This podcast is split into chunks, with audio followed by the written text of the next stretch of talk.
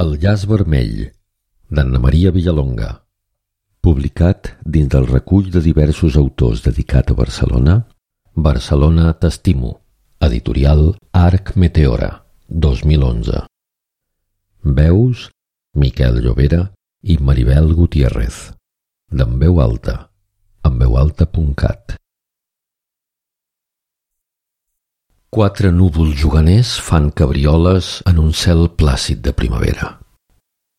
El blau és encès, lluminós, encerclat per un requadre estret que ell ja no veu. Recolzat a la paret, la mirada perduda, encén una cigarreta amb parsimònia. Fet i fet, no té cap pressa. El temps és l'única cosa que li pertany. Amb un gest pausat, quasi mecànic, Tanca els ulls.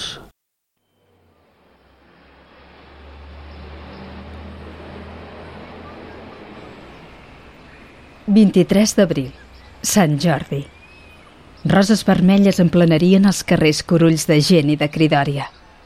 I les parades de llibres i les botzines i tothom bocabadat davant d'aquella explosió de naturalesa urbana i de sobtat oferiment de lectura.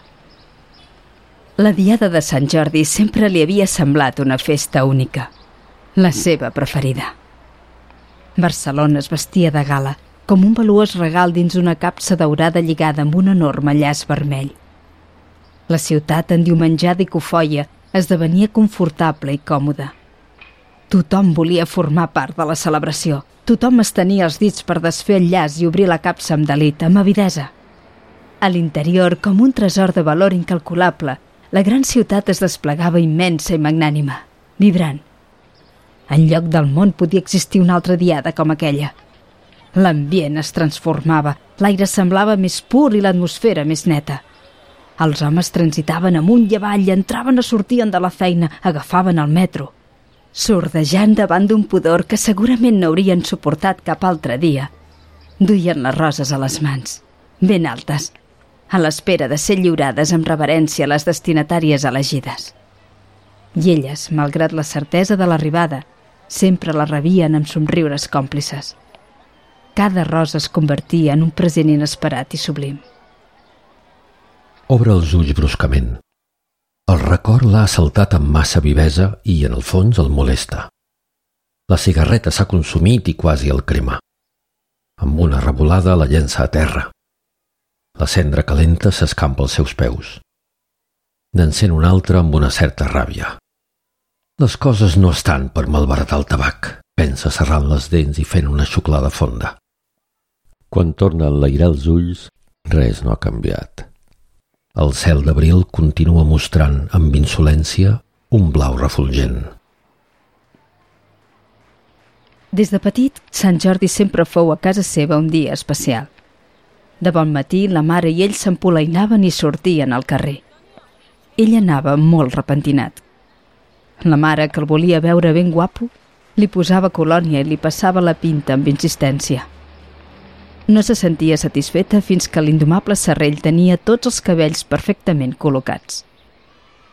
Secretament, ell sempre va pensar que en feia un gramassa. Notava una punxada de vergonya quan li semblava que tothom esperava mirar-lo de tan mudat com anava però la mare insistia que no n'havia de tenir de vergonya, que si la gent el mirava era simplement perquè no n'hi havia cap altre de tan ben plantat com ell. Sense adonar-se'n, esbossa un petit somriure. Pobra mare. Sempre tan preocupada, tan patidora. No li va fer la vida gens fàcil. Inconscientment, tal vegada per conjurar els fantasmes que pugnen per irrompre, sacseja el cap i torna a tancar els ulls. La tèbia escalfor del sol, que s'escola sense demanar permís per l'estret requadre, li acarona el rostre.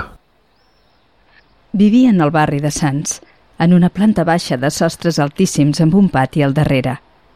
El carrer no era gaire ample, però estava ombrejat per uns arbrets que per Sant Jordi sempre començaven a florir. A l'estiu les veïnes treien una cadira a la porta. No havien perdut l'antic costum de quedar-se xerrant a la fresca fins tard, quan afluixava la calor. Ben mirat, el cor de Sants encara conservava l'essència del poblet obrer dels afores que havia estat en el passat. Ell recordava molt bé que durant la seva infantesa la gent encara deia «Vaig a Barcelona», per donar a entendre que es dirigia al centre de la ciutat. A ell li semblava que el dia de Sant Jordi el seu barri brillava com una perla. Al llarg de la famosa avinguda comercial plena de botigues, les gitanes d'Ostafrancs hi instal·laven paradetes de roses. A primera hora, quan ell i la mare sortien de casa, les flors encara eren fresques i temptadores. Les gitanes amb ampolles d'esprai manllevades d'usos menys nobles ruixaven els pètals amb força aigua. De vegades ell hi acostava un dit tímid. Semblaven de vellut amb aquelles petites gotes tremoloses com llàgrimes. Els llibreters també s'hi posaven. Els volums multicolors ben distribuïts. Els bestsellers ocupaven els llocs més visibles i els contes infantils, amb dibuixos d'animals i de princeses. A ell li agradava aturar-se a mirar els llibres, però la mare sempre l'estirava i el duia fins al metro. I ell n'estava content perquè no l'agafava sovint. El metro, amb els sotracs que li impedien aguantar l'equilibri, li semblava una divertida aventura. De fet, tot és una aventura quan tens pocs anys i la vida et somriu. Nota clarament que el mal humor el domina. És com un nus agre que li puja a la boca. Maleïts records, sempre assetjant, sempre esperant astutament dins dels ulls, darrere de les parpelles. Torna a llançar el cigarret i el trepitja. Es frega la cara amb les mans i amb un gest nerviós n'encén un altre. Es tossega. La gola seca. Es pregunta quina hora deu ser. Aquell matí, de sobte, li sembla estúpidament llarg. Pujaven a plaça de Sants, línia 1 de color vermell, i baixaven a universitat. El trajecte no era gaire llarg, però suficient per riure – Se separava uns centímetres de la barra metàl·lica on la mare volia que s'agafés i deixava que l'oscil·lació del vagó dominés el seu cos. El joc consistia a intentar mantenir-se quiet, però gairebé sempre el vaivé del metro guanyava la partida, sobretot quan arrencava i frenava i ell acabava ensopegant amb els peus de la gent o trepitjant la mare. Sovint ell el renyava una mica, però tot s'arreglava quan arribaven al centre i treien el cap al carrer Palai. El carrer Palai era un lloc magnífic, una mena d'esclat exòtic de colors i formes. Gernacions de gent anaven i venien en un tràfic inacabable, entrant i sortint de desenes de botigues molt ben il·luminades. De la mà de la mare, ell ho escudrinyava tot sense perdre's un detall. Sabateries, restaurants, geladeries, botigues d'electrodomèstics i de roba. De vegades era difícil no topar amb la gent i calia esquivar-los com en una cursa d'obstacles. La mare sempre li insistia. Mira on poses els peus. I li premia la mà ben fort perquè no es perdés. Per Sant Jordi l'embolic de Palai es feia més gran. El so de les botzines dels cotxes resultava xordador i les paradetes de llibres i de roses que proliferaven arran de la vorada complicaven més que d'habitud el trànsit de la gent. Normalment ells caminaven de pressa. La seva destinació final era una altra – però ell sempre lamentava que la mare no s'aturés més estona davant dels aparadors tan plens de meravellosos tresors. Recordava molt bé la botiga de l'escalèxtric, amb tots aquells cotxets que semblaven ben bé de veritat. Aquest cop li resulta impossible evitar un sospir. Al final no havia arribat a tenir un escalèxtric. Hi havia jugat a casa d'altres nens, però no en va tenir mai un de propi, que pogués muntar i desmuntar quan li vingués de gust i decidir on anirien les corbes i els parals i quin cotxe conduiria. Li piquen els ulls, li couen. Mira més enllà del requadre i el maleït sol cada cop més alt sembla que s'enrigui. Se sent atrapat entre el disgust motivat pel descontrol dels records i l'atracció irremeiable de la veu del passat. Ell, que sempre intenta mantenir les portes ben tancades. I avui, la simple visió d'un cel blau, un fet tan absurdament insignificant, ha trencat per sorpresa el dic tan curosament construït. Les Rambles eren cada any el destí desitjat. Passejar-hi significava pels barcelonins un motiu indiscutible de plaer compartit el cor d'una ciutat que bategava, borratxa de sons, de colors, d'aromes. Per Sant Jordi s'amuntegava la gent, milers de caps en dues direccions, amunt i avall, incansables. Les parades de sempre, crits d'ocells, colors de postals, olors de flors, cedien una mica de terreny als taulells de fusta que vessaven de llibres. S'hi congregava tothom, gent de totes les classes, de tots els indrets. Escriptors signant llibres, oficinistes, estudiants, mestresses de casa. Qualsevol diria que en aquella jornada el món sencer era allà, sota uns plàtans enormes que florien despreocupadament escampant volves de polen que feien plorar els ulls i enrogir les goles.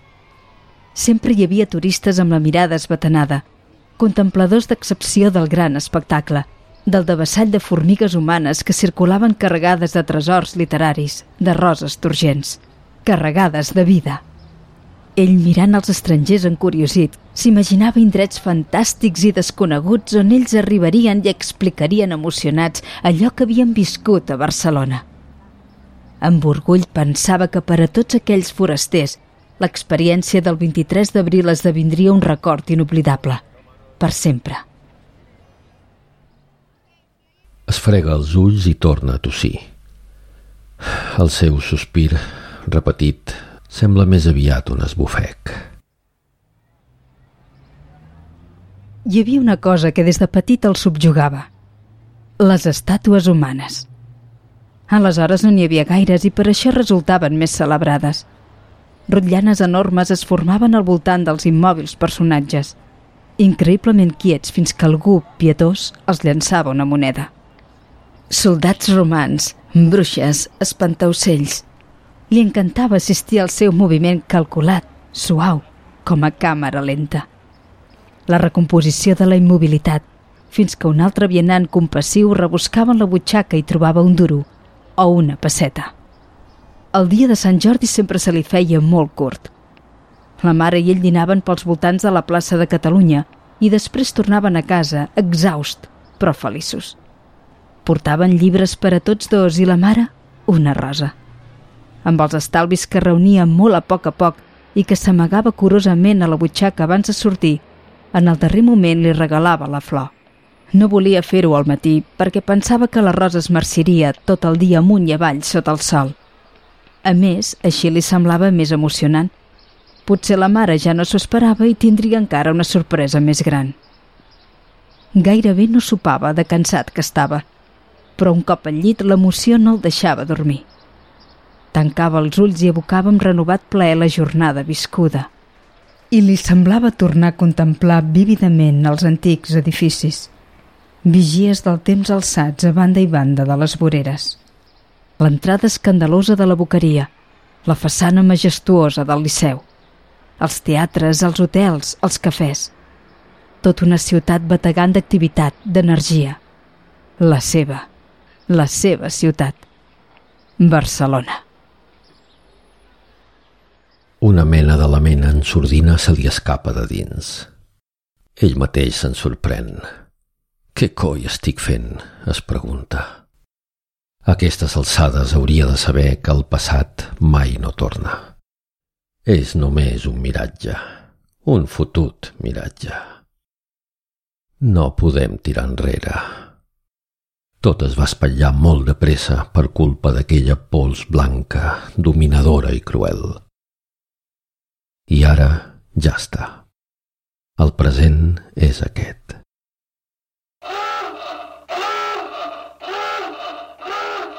De sobte, el perllongat so d'un timbre el treu de les cavilacions. Per fi. Apaga la cigarreta contra la paret i alleujat es precipita amb rapidesa cap a l'exterior. El cel blau ja no és un petit requadre estret. El té al damunt, relluent i falaç. El pati s'omple de gent. Hi ha petits grups que xerren. Ell s'asseu a terra, en un racó, i mira al voltant. Els murs de la model adquireixen una tonalitat indefinible sota aquell cel blau.